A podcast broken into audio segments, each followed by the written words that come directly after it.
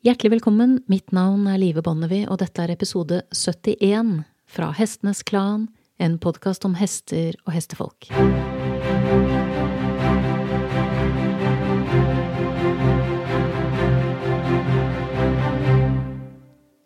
I kjølvannet av koronaen så har vi vært helt nødt til å lære oss å kommunisere digitalt på en helt annen måte enn før.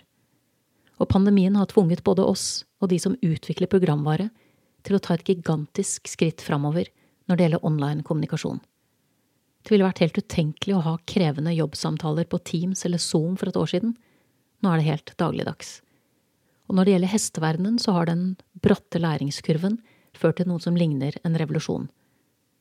Man kan både gi og få undervisning online, ikke bare i form av klassiske videoanalyser, hvor man gjennomgår siste rideøkt sammen med en trener, men man kan også få ridetimer fra den andre siden av Atlanteren i sanntid, og utstyr som gjør at mobilkamera kan følge deg automatisk, så du slipper å være avhengig av gode hjelper med dårlig kameraføring mens du rir, det blir bare rimeligere og rimeligere. En annen bonus er at det dukker opp stadig nye seminarer, symposier og konferanser, der ulike arrangører samler hestefolk innenfor flere ulike kategorier og grener på ett brett. Som en godtepose, egentlig, der man fritt kan plukke de bitene man har lyst på, og la resten ligge. I dag, mandag 11. oktober, for eksempel, og i morgen, så dukker det opp et slikt todagers arrangement, der foredragsholderne fordeler seg på tre ulike digitale arenaer. Den første arenaen fokuserer på hesten. Mind, body, spirit. Den andre fokuserer på rytteren. Mindset, riding, health.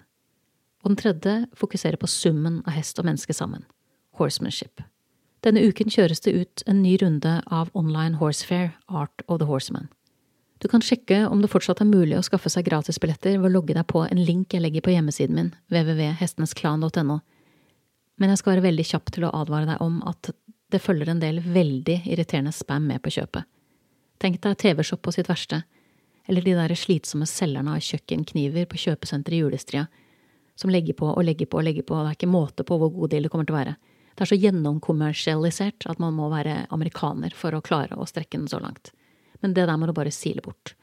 Jeg har eh, hatt billetter til dette arrangementet før, og regner med at det blir et gjensyn med en del av de trenerne jeg så sist, som har levert inn enten rene inspirasjonsvideoer, foredrag eller økter med egne eller andres hester. Men det er en del jeg fortsatt ikke har rukket å se, og jeg tar dessuten for gitt at det dukker opp noen nye videoer eller nye fjes denne gangen også. Det som er veldig fint med slike arrangementer, det er at man får en følelse av både bredden og dybden i hestemiljøet. Man får muligheten til å snuse på trenere man har vært nysgjerrig på, trenere man kanskje aldri har hørt om, og man kan begynne å sjalte ut de man kan tenke seg å lære mer av, og de man tenker at ikke har så mye å komme med. Noen kommer med veldig fine ting, og her er et knippe sitater. Alt foregår selvfølgelig på engelsk. Sharing space and doing things together appeal to the horse. Build from there. The goal is always to find the beauty in every horse and invite it out. I never desensitize horses. I advance their natural curiosity. I always encourage the horse to use his curiosity to explore new skills or newfound balance. Simply allow the spirit to unfold and find the grace in yourself. Suppleness on the ground needs two components. First, you do the checking in. Is everything okay? Are there limits in the horse? The second component is relaxation. We need to be in balance together in a relaxed state. The goal is to build a light relationship in body and mind. With great power comes great responsibility. We control everything, so we have the means to change things for the better. When you want to eliminate a behavior in your horse, you need to offer an alternative.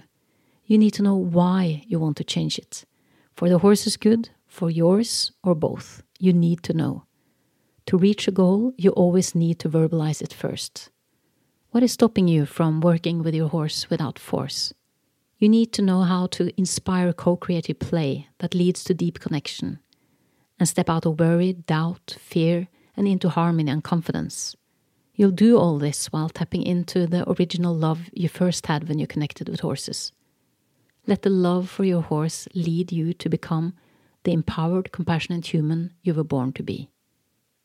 If the horse says no, do not escalate too much. Rather, you need to find out where the no is coming from.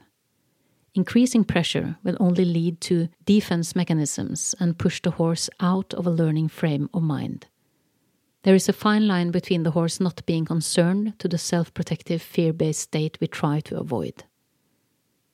Det snakkes også om pusteteknikker for rytteren, fordi vi vet at grunn og anspent pust påvirker hesten på en negativ måte. Det snakkes om å gjenvinne fil, som ikke oversettes så godt til norsk, og øke bevisstheten rundt deg selv, rundt hesten, rundt kommunikasjonen mellom dere, og ikke minst viktigheten av å bli mer oppmerksom på omgivelsene. Og det snakkes om hesten som flokkdyr, hestens atferd, meditasjonsteknikker som har sterk effekt på hesten, hvordan man kan dele en idé med hesten fremfor å kreve lydighet, og hvordan man kan kommunisere med skremte eller skvettende hester på en god måte, for å nevne noe.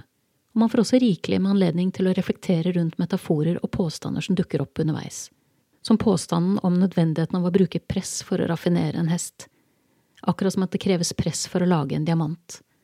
Hvor det første jeg tenker er at det blir ingen diamant, uansett hvor mye du presser, hvis ikke materialet som utsettes for presset er karbon. Underforstått, jeg har fortsatt til gode å se det vokse noe vakkert ut av et forsøk på å presse frem noe som ikke bor i hesten fra naturens side. Er alt like interessant på slike online arrangementer? Nei, selvsagt ikke. Det er absolutt spredning i feltet, men min erfaring er at man kan lære vel så mye av andres feil som av deres suksess. Du har nettopp hørt episode 71 fra Hestenes Klan, en podkast om hester og hestefolk. Takk til min faste komponist Fredrik Blom, og sist, men ikke minst, takk til deg, kjære lytter, for tålmodigheten. Måtte hesten for alltid være med deg.